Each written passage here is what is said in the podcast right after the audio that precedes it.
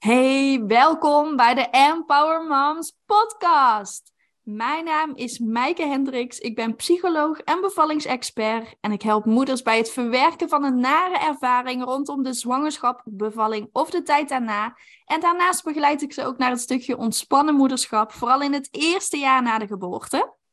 Vandaag ga ik in gesprek met Rachel Morian van From Outside In en zij is hypnobirthing docent.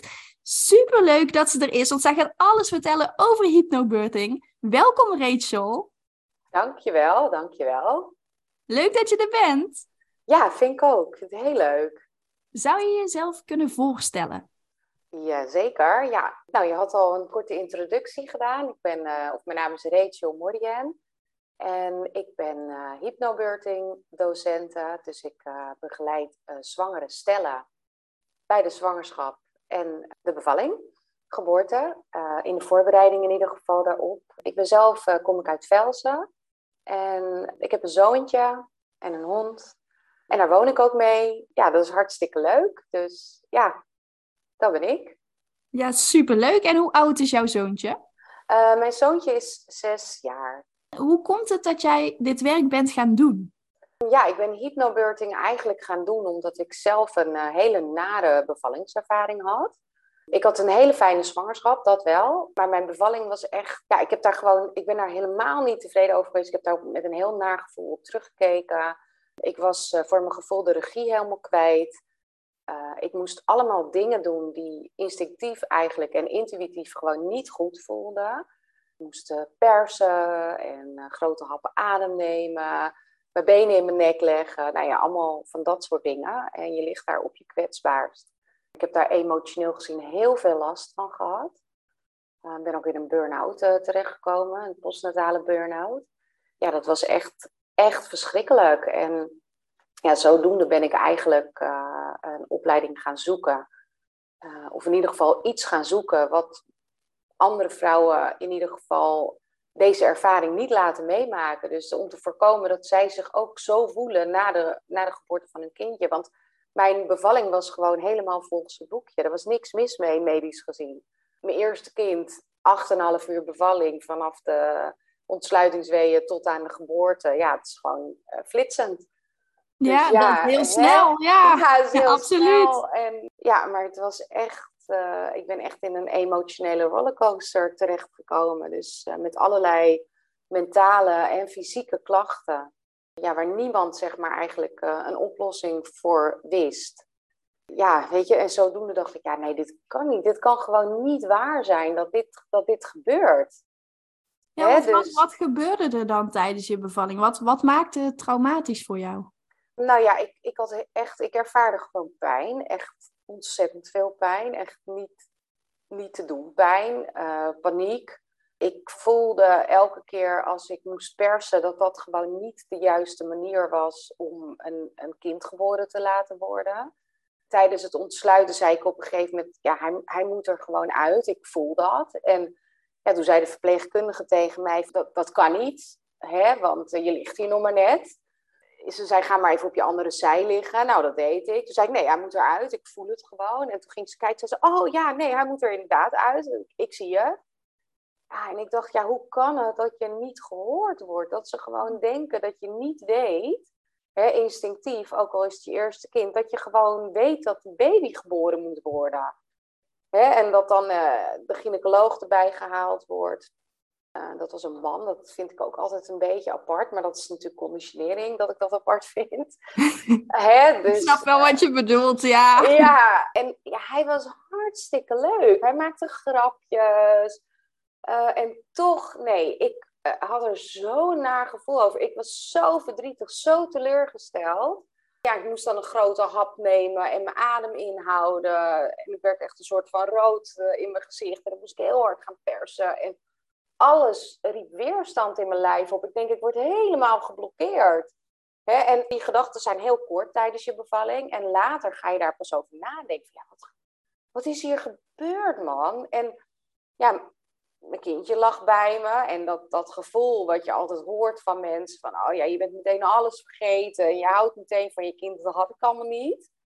terwijl Maurice, mijn partner destijds, die was helemaal verliefd. En ja, super trots natuurlijk op mij ook vooral, heeft hij achteraf gezegd. Gewoon voor wat ik, ja, wat ik gepresteerd had. En zo voelde het helemaal niet. Ik voelde gewoon dat het gewoon, het was gewoon niet goed. Het was echt niet goed. Het was echt een mes gewoon in mij en daarna. En rommel. He, zo voelde het. En een vriendin van mij die zegt dat ja, je hebt van je mes heb je je message gemaakt. En dat is heel natuurlijk gegaan uiteindelijk. Ja, dat is echt heel mooi. Ja. Ja. Oh, maar wat heftig, hè? Als je daar zo ligt te bevallen en je voelt van alles aan je lijf. Je hebt het gevoel van, mijn kind moet eruit. En je krijgt aan alle kanten te horen, nee, je mag nog niet gaan persen. Nee, het is nog niet zo ver. Of je moet heel tegen natuurlijk gaan persen met die rap lucht. Terwijl je eigenlijk voelt, nee, het moet op een andere manier. Mm Dus je eigenlijk op die manier wordt tegengewerkt. Dat is toch bizar dat dat nog bestaat, hè? Ja, dat. Dat het nog bestaat, inderdaad. Hè? En ja, dat is echt, echt heel gek. En ook alles wat daarna was, weet je, je probeert je een beetje aan regels te houden. Van ja, je moet om de zoveel tijd voeden. En uh, ook dat, weet je, dat voelde ook zo tegen natuurlijk. Weet je, dat het allemaal op schema moest. En, hè, en uiteindelijk heb ik vraag en aanbod gedaan. En dat voelt gewoon veel beter. Maar eigenlijk alles heeft ervoor gezorgd dat ik zo verschrikkelijk ja, toch een soort van krampachtig was. En dat was niet meteen, hè, trouwens. Want in de eerste week na, mijn, uh, na de geboorte van, van Matthew, zo heet ons zoontje, was ik eigenlijk heel relaxed wel. Hè? Ik, ik uh, had een kraamzorg en die zei ook, oh, het zijn jullie echt zulke lieve, natuurlijke ouders. Hè? Gewoon niet gestrest. En maar dat kwam bij mij allemaal later op gang. Dus toen dat echt allemaal ging landen van wat er allemaal gebeurd was. En dan uiteindelijk natuurlijk die slapeloze nachten die erbij hoorden. Het is later pas ontstaan dat ik, dat ik er zo heftig op gereageerd heb. Maar ik had wel meteen het idee van, hé, hey, dit klopt niet. Dus ik ben wel meteen gaan googlen van, ja, heb ik dan me niet goed voorbereid? Heb ik misschien de verkeerde cursus gedaan? En mijn gynaecoloog die zei van, ja, dat het allemaal zo want ik moest wel heel hard persen en ik werd twee keer ingeknipt. Ja, die zei ook van ja, het is. Uh, jij sport zeker heel veel, zei die. Hè? Um, want je bekken was heel gespannen en daarom moest ik twee keer knippen. En, en ik dacht, oh ja, nou het zal wel. Terwijl later heb ik gewoon geleerd, ja, weet je, je bekkenspieren kan je gewoon, je bekkenbodem, alles, je kan het gewoon ontspannen. Of het nou super getraind is of niet je kunt het gewoon ontspannen, maar door dat persen en die hap lucht, ja, dan zet je natuurlijk dat hele gebied uh, zet je op spanning. Maar dat weet ik nu pas. Hè? Dus ondanks dat ik instinctief en intuïtief voelde van dit klopt niet, en achterover ook dacht dat hoort niet, heb ik later pas echt geleerd hoe je lichaam werkt. En ik vind ergens wel dat het daar bij mijn voorbereiding niet helemaal jovel is gegaan. Hè? Ik deed uh, zwangerschapspilates. Nou, dat is prima. Dat gaat ook heel erg over hoe je na de bevalling je, je lijf sterk kan maken en houden. Maar ik deed ook haptonomie. En dan zou je toch echt wel denken van, goh, hè, dan leer je wel echt goed in je lijf zitten. En ik zeg niet dat de haptonoom het niet goed gedaan heeft, maar er was meer met mij aan de hand voordat ik ging bevallen. Ik had een, uh, heb een traumatisch verleden, daar ben ik mee aan de slag gegaan met die haptonoom. Maar ik denk dat er gewoon meer te doen is in die hele voorbereiding. Hè? Dus ook als jij iets ergs hebt meegemaakt in je verleden, hè, de, de, de verloskundige vraagt altijd van, ja, heb je dingen meegemaakt? Ben je mishandeld? Of hè, allemaal dingen die uh, je bevalling kunnen laten stagneren. Uh, maar ik denk gewoon dat ze daar, hè, uh, behalve dan dat je ja vertelt, dat ze daar veel dieper op in zouden moeten gaan. Dat ze ook moeten zeggen van, goh, oh ja, dit meegemaakt. Ja, dat, dat misschien moet je dat wel eerst even gaan oplossen. En bij hypnobirthing leer je wel echt dat je oude rommel, dat je dat echt moet oplossen. En bij zo'n cursus hypnobirthing geef je ook gewoon aan, joh, uh, ik zie dat er dit of dat of dat gebeurt, dus ik kan je tot zover helpen. Maar het zou verstandig zijn als je ook nog hè, naar een hypnotherapeut gaat of naar weet ik veel wie. En je kan mensen dan gewoon goed uh, doorverwijzen om gelijktijdig nog zo'n traject aan te gaan. Hè. Niet heel veel moeders denken na over hè, wat ik allemaal meegemaakt voor mijn zwangerschap. Of hè, zelfs bijvoorbeeld als jij moeilijk zwanger kan worden, kan dat een enorm trauma veroorzaken bij je. Waardoor je hele zwangerschap uh, en je bevalling, dat daar eigenlijk een soort kruis doorheen gezet. Van het was niet fijn. Ja, ik ben het er helemaal mee eens met wat je zegt hoor. Want hier wordt echt heel vaak overheen gegaan en niet bij stilgestaan. En op het moment dat jij moeder wordt, en dat jij zwanger wordt, ja, je krijgt een hele andere rol. Alles verandert in je leven en je wordt geconfronteerd met oude patronen. Ook dingen hè, waarvan je dacht van ik heb het verwerkt, die uiteindelijk toch niet helemaal verwerkt blijken te zijn. Oh. Dus het is super belangrijk om juist voordat jij moeder wordt, inderdaad, of juist in het beginstuk van het moederschap, hier uitgebreid bij stil te staan. Bij oké, maar hoe hebben die gebeurtenissen dan nog steeds invloed op mijn leven? En heb ik daar nog last van? En als ik er last van heb, kan ik er dan iets aan doen om dit meer te verwerken, om dit meer een plek te geven eigenlijk? Wel mooi dat de hypnobirthing hier eigenlijk bij stilstaat. Om te kijken van wat is er dan precies gebeurd en hoe voel jij je? En wat heb jij dan allemaal meegemaakt? Ben jij je daar bewust van, van wat voor invloed dat kan hebben? Het zijn uh, heel veel conditioneringen ook hè, daardoor. Je hebt natuurlijk doordat je in het verleden dingen meemaakt, heb je bepaalde patronen bij jezelf aangeleerd. En bepaalde skills. Ja, en daarmee ben je dus geprogrammeerd. En dat heeft zoveel invloed op je zwangerschap en, en op je bevalling. En ik geloof ook heus wel dat er mensen zijn die er geen last van hebben, terwijl ze wel iets naars hebben meegemaakt, hè, of wel geconditioneerd zijn met verkeerde dingen. Veel mensen denken dat een bevalling per definitie pijn doet. En als ze niks hebben meegemaakt, zijn ze alsnog geconditioneerd met het idee dat bevallen pijn doet. Dat is eh, ook vaak wat we zien hè, op de media, inderdaad. Wij, in, uh, als we kijken naar films of naar series, iedereen ligt daar op bed hè, met, met gebalde vuisten aan schreeuwen en doet zo'n pijn. En dus dat krijgen we heel erg mee, inderdaad. Ja, en daar word je dus eigenlijk mee, mee geprogrammeerd de hele tijd, zonder dat je het in de gaten hebt. Ja. Ehm, of bijvoorbeeld, uh, wat je bij hypnobirthing ook leert, is luister niet naar negatieve verhalen. En dat is gewoon elke week of, of als je elke twee weken komt, is dat huiswerk. Luister niet naar negatieve verhalen van andere moeders. Het is dan namelijk zo, als iemand een, een negatief bevallingsverhaal heeft, dan heb je de behoefte om dat te delen met iemand. En dat is logisch, hè? want je bent getraumatiseerd door je pijnlijke bevalling. Dus je wil dat uiten. Maar onbewust gaat die moeder die die negatieve bevallingservaring heeft, gaat die nieuwe moeder programmeren met een programmaatje Bevallen doet zeer. Pas op, ga in de vecht, uh, freeze uh, vluchtmodus. Span je hele lichaam aan. Dat is wat je doet. En dat zijn allemaal dingen waarvan ja, je leert gewoon echt voor jezelf opkomen. Dus met name dus dat. Luister niet naar negatieve bevallingsverhalen. Zeg ook gewoon, hey, had je een leuke bevalling? Nee? Oké, dan hoef ik jouw verhaal dus niet meer af te luisteren. Durf vragen te stellen. Hè? Dat leer ik ze ook. Wees mondig. Uh, als jij je verloskundige niet goed vindt, hè, in de tussentijd dat je daar komt tijdens je zwangerschap, durf gewoon te zeggen dat je weggaat en dat je een andere verloskundige zoekt. Want je moet die klik hebben met je verloskundige. Durf vragen te stellen als, zijnde, als ze interventie willen doen. Ben ik in gevaar of is mijn vrouw in gevaar? Is mijn baby in gevaar? Als het antwoord nee is, hoeft er geen interventie plaats te vinden. Dan doe je dat alleen maar voor de zorgverlener, omdat ze willen dat het sneller gaat. Maar elke geboorte heeft haar eigen tijd. En dat is, zijn dingen die mensen gewoon niet weten. Als ik soms, soms dan denk ik wel eens, oh ja, mijn kennis is beperkt. Hè?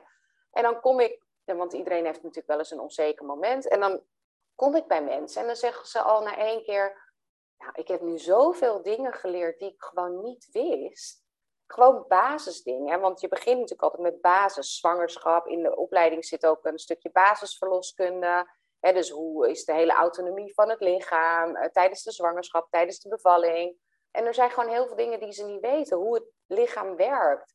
En dat de baarmoeder gewoon een, een, ja, een bepaalde functie heeft. Uh, die heel veel zelf kan, samen met je baby. En die zijn, in ieder geval je baby is niet geconditioneerd. Dus vertrouw daarop. Zeker, ja. En super belangrijk ook om te weten hoe jouw lichaam inderdaad werkt. Welke fases er zijn. En wat jij kunt doen in, in die verschillende fases eigenlijk. Zodat je zelf beter met die pijn om kunt gaan. Zodat het draaglijk blijft voor jou. En luister inderdaad ook naar wat je lichaam nodig heeft. En laat je vooral niet afleiden. Ook al is dat heel erg lastig, hè? Want in, in deze tijd, iedereen heeft een mening. En verloskundige, gynaecologen, er staan verschillende mensen om je heen. Ja, het is heel lastig om dan dicht bij jezelf te blijven. Dus super belangrijk om hier bewust mee bezig te zijn. En je denkt natuurlijk vaak, oh, zij zullen het wel weten. er was, vroeger was er een, uh, een verloskundige, dat was ook een man, dat is al echt heel lang geleden. En die ging voor een pain-free birth. Daar geloofde hij heel erg in. Uh, en het kwam omdat hij dat had gezien in wat armere wijken, dus waar de vrouwen minder ontwikkeld waren. En daar zag hij dat vrouwen daar veel beter in staat waren om te kunnen bevallen. Zonder pijn, of in ieder geval zonder heftige pijnsensatie. En dat kwam echt omdat zij niet geconditioneerd waren met bepaalde kennis. Zij gingen ook bijvoorbeeld niet liggend bevallen, maar zij gingen tegen de muur staan of op het toilet zitten. Uh, waardoor ze dus verticaal waren en eigenlijk dat hele uh, bekkengebied eigenlijk meer ruimte kreeg om, om een kind uh, daar geboren te laten worden. En hij zei van ja, dit is wat ik eigenlijk wil doen.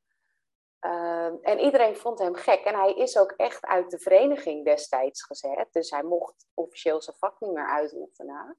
En hij is gewoon voor zichzelf begonnen. Weet je, en dat verhaal heeft mij zo geïnspireerd. En ook hoe uh, dieren bevallen. Hè? Bijvoorbeeld, dat staat ook in het boek Hypnobirthing, de Mongen Method. Dat is uh, de studie die ik heb gevolgd. Zij vertelt dan een verhaal over haar kat. Die ging bevallen en uh, die op zeker moment stress ervaarde. Waardoor zij op een gegeven moment van de ene plek naar de andere plek verhuisde tijdens haar bevalling. En zij nam al haar geboren kittentjes, die nam zij al mee naar de volgende plek waar zij in alle rust verder kon baren. En de reden waarom haar bevalling stopte, was omdat zij stress ervaarde. En wat ze vaak in de zorgverlening zeggen, is zeg, ja, uh, je, je blokkeert, uh, er is iets aan de hand, uh, we moeten nu een interventie doen. Maar die interventie is nodig omdat die moeder dus stress ervaart. Vanuit je natuur is het zo dat als jij stress ervaart, stopt je bevalling. Dat is hetzelfde als dat als jij verhuisd moet worden van huis naar het ziekenhuis. Zeg zo dat jij in de auto heb je geen last van weeën. Ja, dat komt omdat je op dat moment stress ervaart. Wij zeggen altijd los de stress van de moeder op.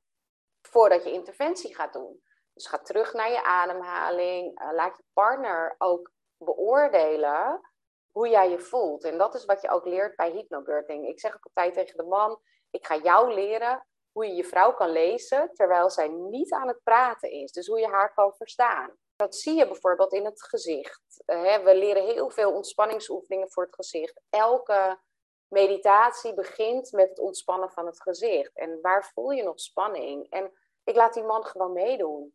Dus die moet al die oefeningen meedoen. Die man die moet ook net doen alsof hij gaat bevallen. Dat is echt hilarisch in het begin natuurlijk. Dus, want ik zeg ook, ja, voel je baarmoeder, je bekkenbodem. En die man die denkt op, in het begin ook, wat ben ik aan het doen? Maar na twee keer zegt hij, nou, ik word er eigenlijk wel heel relaxed van. En dan vervolgens laat ik hem ook kijken van, ja, oké, wat zie je nou uh, bij je vrouw? Zie jij spanning nog op haar gezicht? Um, zie je spanning in haar handen? En dat zijn allemaal dingen die moet hij gaan leren lezen. Ik leer ze om met elkaar in gesprek te gaan. Dus ik zeg, neem elke avond een paar minuutjes om ook gewoon elkaar recht in de ogen te kijken. Van ja, wat verwacht jij van de bevalling? En wat verwacht je van mij? En wat verwacht ik van jou? Om daar gewoon heel duidelijke afspraken over te maken. Hoe je die bevalling ziet. Zodat je ook je bevalplan, zoals je die hebt opgeschreven, dat is een leidraad. Maar dat je ook gewoon weet van, goh, uh, zij vindt het belangrijk om ontspannen te blijven. Dus als het nou een andere kant op gaat, dan moet ik gewoon kijken hoe krijg ik haar weer in een bepaalde ontspanning. En dat wil niet zeggen dat je weer helemaal terug moet naar het bevalplan, hè? want dat is wat ze ook leren. Uh, je kunt het niet plannen. Het is alleen maar een leidraad. Klopt, ja zeker. Ja, en daarom is het woord bevalplan ook eigenlijk niet heel erg goed gekozen. Nee. Want het is inderdaad geen plan, maar het is meer een, een wensenlijstje van hey, hoe zou ik het graag willen? En wel super belangrijk om je voor te bereiden. Want stel dat er ook complicaties optreden, dat moet er ook in. Hè? Ook super belangrijk. Tip, schrijf ook op wat jij wil als er complicaties optreden, als het anders loopt dan jij van tevoren had gedacht, bereid je hier ook op voor. En inderdaad, communicatie met je partner is hierin gewoon regel nummer één. Hè? Blijf communiceren met elkaar, bespreek wat je wilt. Op dat moment, als jij zelf niet meer in staat bent om bijvoorbeeld hè, na te denken of wat dan ook, of om te communiceren met zorgverleners, kan je partner dat gaan doen. Precies. En dat is waar hypnobirthing echt wel afwijkt van andere cursussen. Alle lessen zijn met partner. En dat is zo ontzettend belangrijk. En ook, hè, ik zeg ook altijd, uh, hypnobirthing gaat er niet per definitie over dat je per se vaginaal moet bevallen. Maar ook hoe blijf je ontspannen als het anders loopt. Stel dat er wel echt iets is. Uh, want de vraag is altijd, is mijn kind in gevaar? Is mijn vrouw in gevaar? Als het antwoord ja is, dan moet je dus een andere keuze gaan maken. En ik heb een aantal vrouwen uh, gehad die, ik denk twee of drie, die uiteindelijk een, een keizersnee toch moesten. dus uiteindelijk hun hele beeld van hoe het zou moeten gaan werd, ja, werd anders. En toch keken ze er fijn op terug. En daar gaat het uiteindelijk om. En dat konden ze dus echt door de, de, de, de technieken die ze geleerd hadden, de, het leren communiceren met hun partner, de oefeningen die ze erbij hebben gekregen. Ja, weet je, dus daardoor konden ze er nog steeds fijn op terugkijken. Sommige vrouwen krijgen een weeënstorm en toch konden ze het toepassen, omdat ik zeg altijd, ik download een nieuw programma bij je. En het is, de grap is, het is helemaal niet moeilijk om uh, een nieuw programma te downloaden, maar het is ook niet moeilijk om dat nieuwe programma te ontvangen. Het heeft alles te maken met ontspanning. En ik zeg ook altijd, hoe ontspannender jij bent in de maanden voordat die geboorte er is, hoe beter je alles kunt toepassen. Dus ze moeten, en dat is echt wel een moeten, elke dag ademhalingsoefeningen doen om die hele, dat parasympathisch zenuwstelsel, en dat zenuwstelsel uh, van rust en het opladen van je batterij, daar moeten ze elke dag oefeningen voor doen. En hoe beter die batterij dus opgeladen is, je interne batterij, hoe relaxter jij door het leven gaat. En dus hoe relaxter jouw bevalling is. En ik zeg ook altijd, als je die cursus doet, is het een investering voor de rest van je leven. Want alle technieken kun je toepassen in elke situatie. Dus je kunt het doen als je moet solliciteren. Je kunt het doen als je iets naars moet doen. Uh, je kunt het doen als je voor het eerst op een date gaat. Nou, noem maar op. Die technieken kun je overal en waar dan ook waar je zit, je kunt ze toepassen en gebruiken. Alleen het is altijd belangrijk, blijf die ontspanningsoefeningen doen. Gewoon elke dag. En eigenlijk zou iedereen dat moeten doen. Want je interne batterij moet gewoon elke dag opgeladen worden.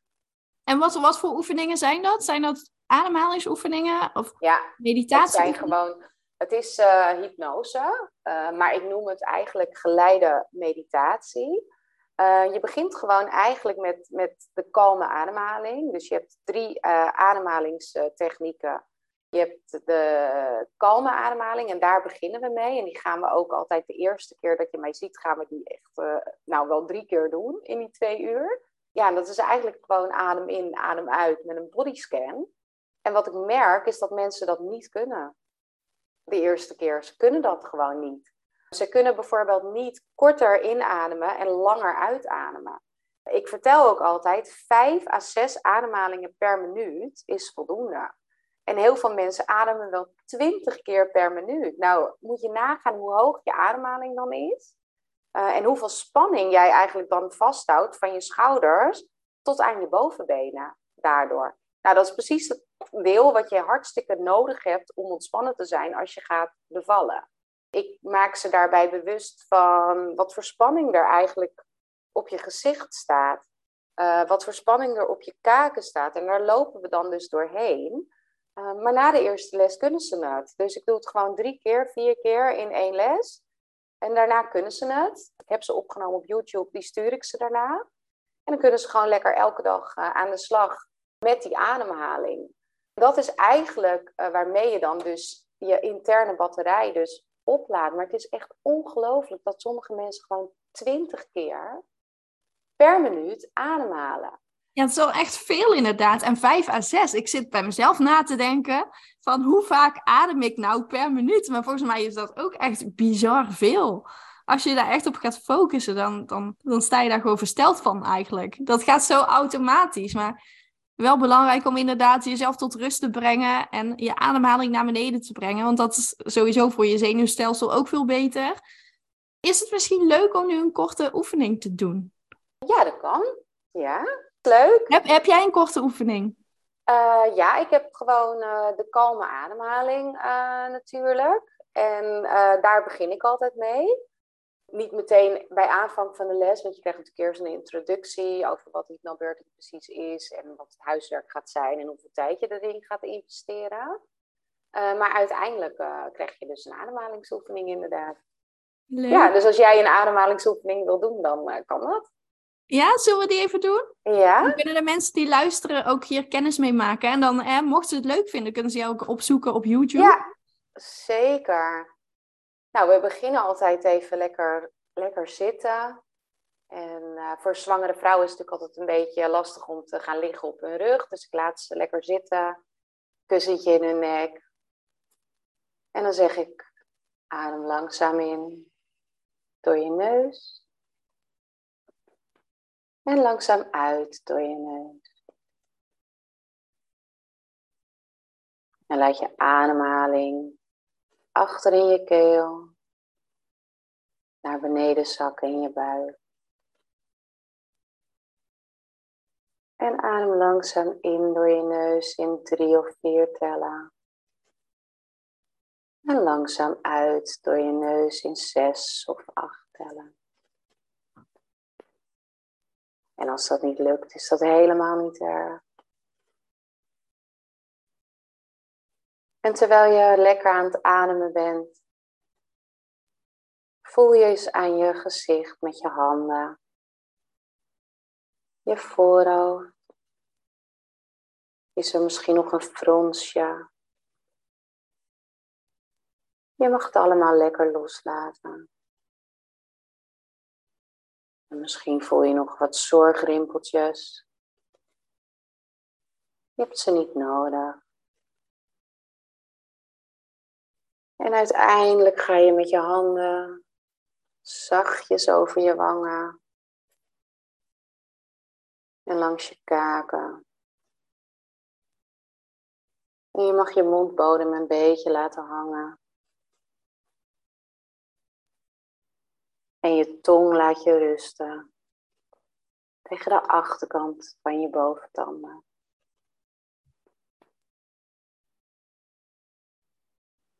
En langzaam ga je met je gedachten naar je schouders.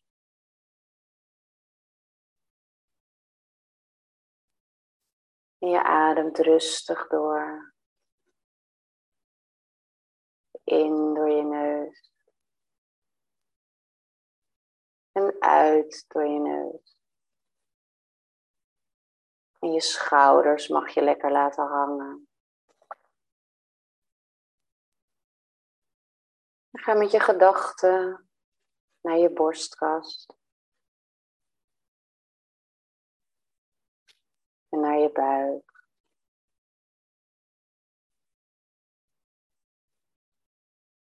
En bij het inademen zet je buik op. En bij het uitademen trek je hem weer in. En je bekken. En je billen. Voel je billen de zitting aanraken waar je zit. En laat de ontspanning helemaal van je knieën tot je voeten gaan. En laat alles maar los. En je bent helemaal ontspannen. Adem rustig nog een paar keer in en uit. En als je er klaar voor bent, mag je weer terugkomen in de ruimte waar je zit.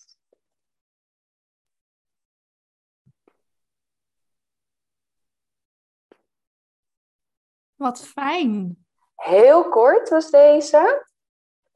Normaal gaat het natuurlijk een stuk langer. Ik word er altijd zelf heel relaxed van. Ja, maar echt. Maar je hebt zo'n fijne stem ook om naar te luisteren. Het oh, zo rustgevend. er is gewoon niks zweverigs aan, weet je wel. Want je gaat gewoon hè, je, lijf af als het ware. Want ik hoor ook heel vaak omheen, ja, hypnobirthing, dat is gewoon hè, heel zweverig. En, maar dat is gewoon eigenlijk helemaal niet. Want het is gewoon, je focus je echt op je lichaam. Ja, het is zelfs dat, want mensen denken altijd dat het uh, zweverig is. En mijn ex die uh, zegt ook uh, wel eens dat ik zweverig ben, zeg maar. Dat ik ook yoga doe en allemaal van dat soort en, en, ademhalingssessies. Ik ga zelf wel eens naar een sessie. Ik vind het gewoon heerlijk om gewoon in je lijf te zakken met je ademhaling. En er komt ook veel los. Als ik zeg maar les geef, dan is het een langere oefening. En het mooie is dat we elke nieuwe oefening die, die introduceer ik eigenlijk altijd eerst met deze oefening. Dus de oefeningen worden wel steeds langer.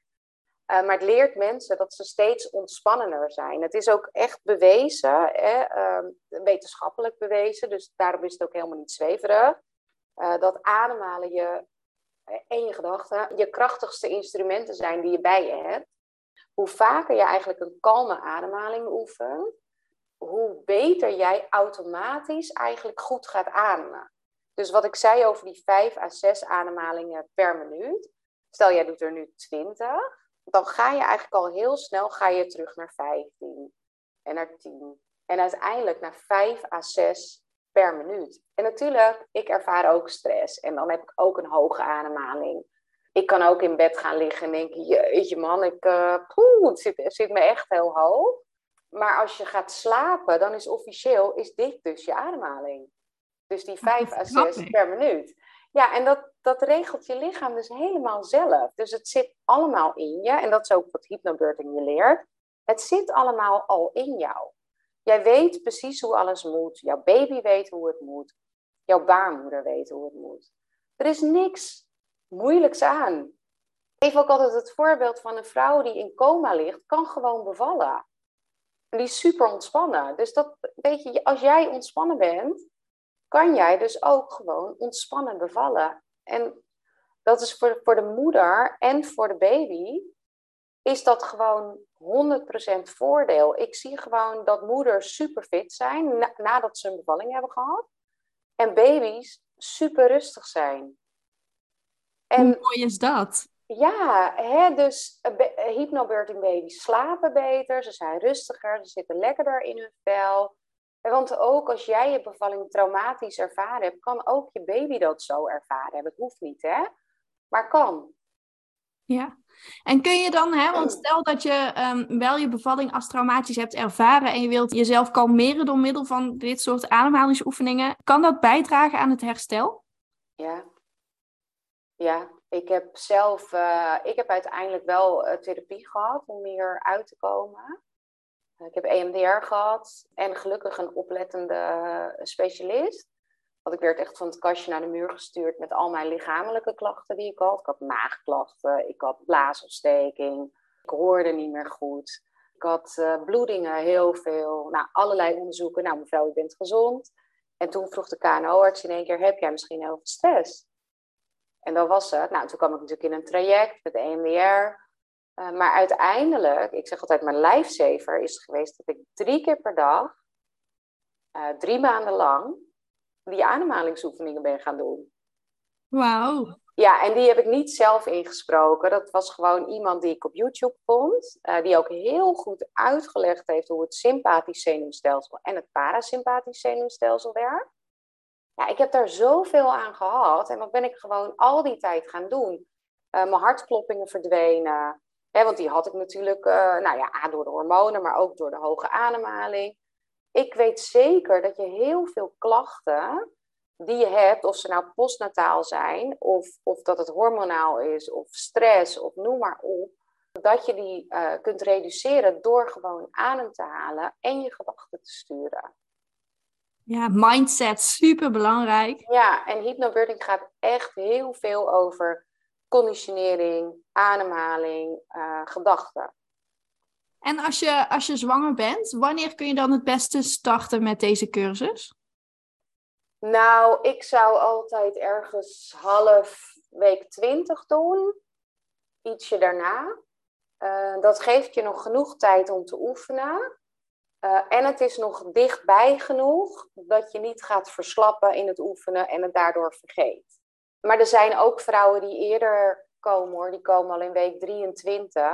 Omdat ze nog allerlei dingen moeten doen. Uh, dus ze gaan op vakantie of weet ik veel verhuizen. En voor hun heb ik dan ook altijd nog opnames van de lessen. Ik spreek natuurlijk alle oefeningen in. Uh, die gewoon op mijn YouTube kanaal zijn te vinden. Dus die kunnen zij gebruiken.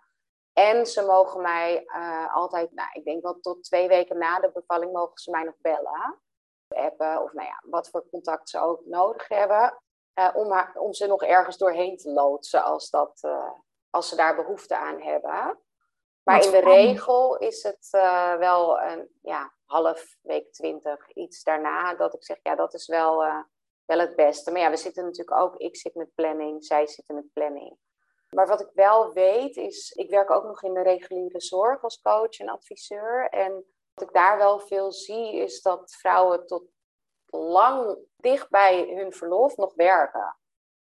En dat is prima, maar je moet op een gegeven moment wel gas terugnemen, omdat je anders niet tot rust komt. En die rust, dus dat zenuwstelsel wat tot rust moet komen, is zo belangrijk voor die bevalling. En ik ben ook eigenlijk heel blij dat, dat hè, er zijn zeker in de zorg best wel strenge regels uh, over dat je stappen terug moet doen in je werk. Er zijn hele protocollen voor hè, wat je wel en niet mag doen. En daar letten wij ook op. En toch vallen heel veel mensen uit, met name bij ons in de zorg, uh, met zwangerschapsgerelateerde klachten. Ja, en ik denk dan ook, ja, het is niet leuk, maar je lichaam is een hele goede graadmeter en een heel goede adviseur hè, over wat jij moet doen. En ja, dat, ik denk gewoon dat iedereen hypnobirthing moet doen, omdat je zo goed leert luisteren naar je, naar je lichaam. Ik heb er zelf zoveel aan gehad. Hè, en misschien zullen sommige vrouwen denken, ja, maar dat was een beetje uh, ja, hè, mosterd naar de maaltijd voor jou. Maar het heeft ook wel weer bijgedragen aan mijn herstel daarna. Nooit te laat om ademhalingscursussen of oefeningen uh, te gaan doen. Nee, het is echt dat stukje hè, connectie weer maken met je lichaam. Connectie maken met jouw eigen bewustzijn eigenlijk. Hè? Met jezelf gewoon tot rust brengen.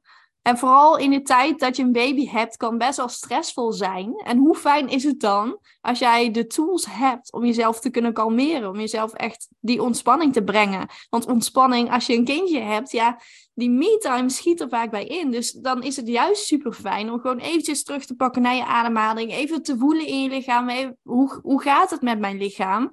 Voel ik me moe? Voel ik ergens spanning zitten?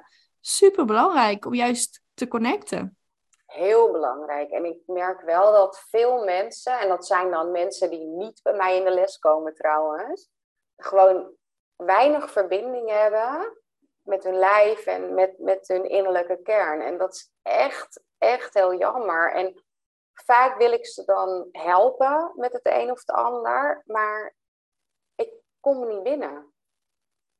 Hè? En dat is best wel, er zijn, soms zie je ook wel eens ergens een interview over hypnobirthing wat dan gepubliceerd is. En ja, daar staan veel reacties onder van vrouwen die het er helemaal mee eens zijn. Hè, en die zeggen ook, ik heb het ook gedaan of had ik het maar gedaan.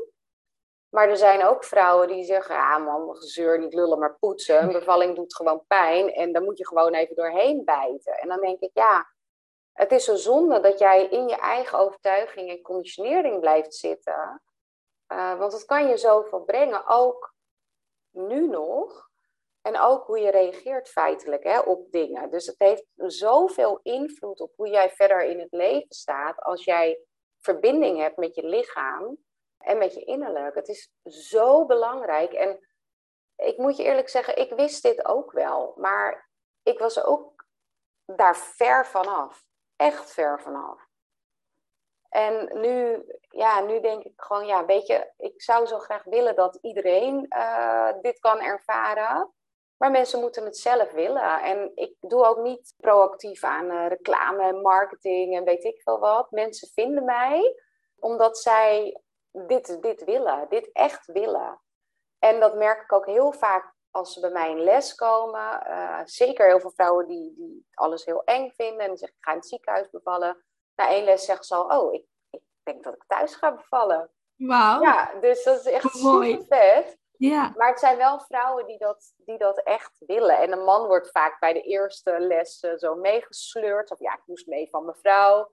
En na één les zeggen ze, ah, ik word hier zo relaxed van. Ik heb ook, dat is echt heel grappig, ik heb ook heel vaak mannen, van die ADHD-mannen in mijn les. Die hele drukke en kunnen van alles tegelijk. En uh, die, worden, die hebben er gewoon zin in elke keer. Dus ik heb zo, zo zin in die les weer. En, en ik heb vrouwen in mijn les die vaak uh, control freaks zijn.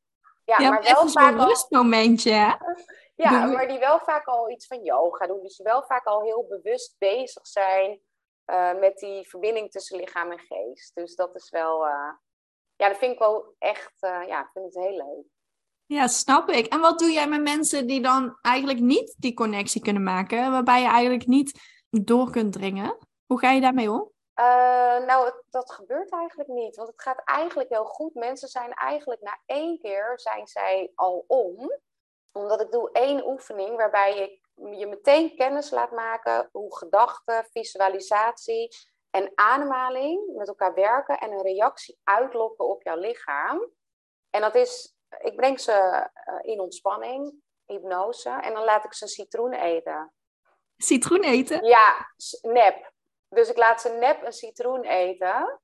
En iedereen die proeft die citroen. Een oh, citroen heeft natuurlijk zo'n specifieke smaak.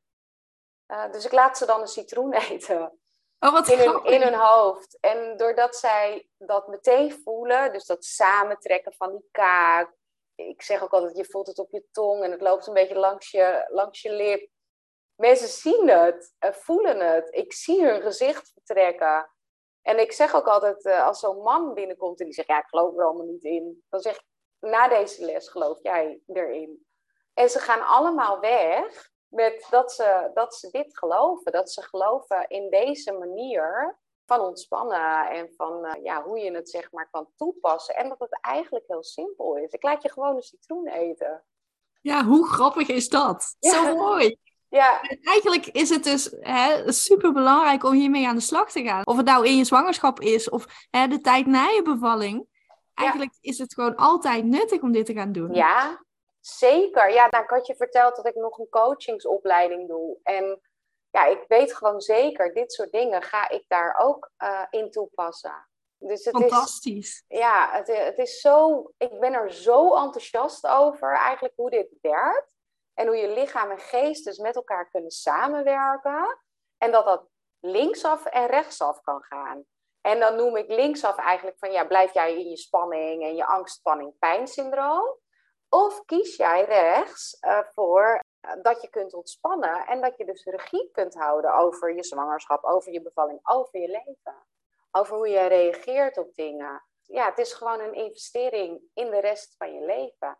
Alleen je moet het wel blijven toepassen. En je verleert het niet. Dus wat je hebt geleerd ga je niet verleren. Maar als jij daarna weer teruggaat in je oude leventje en weer dezelfde dingen gaat doen, dan moet je eigenlijk af en toe weer naar een ademsessie gaan of uh, een, een, een yoga workshop gaan volgen. Of iets waarbij je zeg maar weer bewust bent van jou, van jezelf, van je lichaam, hè, van je hart en van je gevoel. Dat is gewoon echt super belangrijk. Maar als je dat onderdeel maakt van je leven, eh, dan alles wordt anders. Echt alles wordt anders. Ja, echt zo mooi. En ik kan me ook helemaal voorstellen dat als mensen nu zitten te luisteren, dat ze denken van waar kan ik me nou aanmelden? Dus waar kunnen we meer over jou vinden?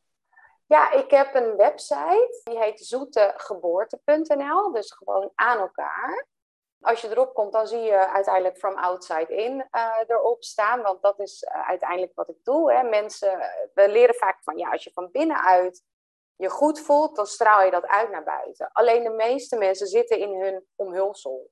En die moeten weer van buiten naar binnen keren. Dus daar vind je eigenlijk alle informatie. En die gaat dan over hypnobirthing, maar ook over coaching. Ik doe ook één op één coaching voor zwangere vrouwen soms, zeker als vrouwen alleen zijn, hè, dat gebeurt natuurlijk ook, vind het dan fijn om één op één coaching te doen. En die nemen ze dan gewoon per uur af. Nou ja, dat kan je daar ook allemaal doen. Je leest een stukje over mijn bevalling. En hoe heet jij op YouTube? No Birthing, the Monden Method heet het. Ja, top. Ja, zeker een aanrader om te volgen op YouTube of even te kijken op jouw website. Ik wil jou in ieder geval hartstikke bedanken, Rachel, voor jouw bijdrage. En ik denk dat je heel veel mensen enthousiast hebt gemaakt over hypnobirthing. Ik uh, heb zelf het boek gelezen ook, maar ik heb zelf nooit een cursus gevolgd en er eigenlijk nooit iets mee gedaan. Wat eigenlijk super jammer is, omdat het dus nog steeds een enorme impact kan hebben op de rust die jij kunt ervaren. Dus hoe mooi is dat? Dus zeker een aanrader om hier uh, verder mee aan, aan, de slag te gaan. Dus dank je wel voor je enthousiasme en uh, voor alles wat je hebt verteld vandaag. Jij ook bedankt dat ik hier mocht zijn. Ik vind het zo leuk. Ik wil jullie enorm bedanken ook voor het luisteren naar deze podcast. En mocht je vragen hebben voor Rachel, dan kun je haar misschien een berichtje sturen via Instagram. Mocht je vragen hebben voor mij, kun je me ook altijd een berichtje sturen op Instagram EmpowerMomsNL. Of uh, wil je weten of ik iets voor jou kan betekenen? Ga dan naar mijn website www.empowermoms.nl als je bijvoorbeeld hulp nodig hebt bij het verwerken van je heftige bevallingservaring. Bedankt voor het luisteren en tot de volgende keer.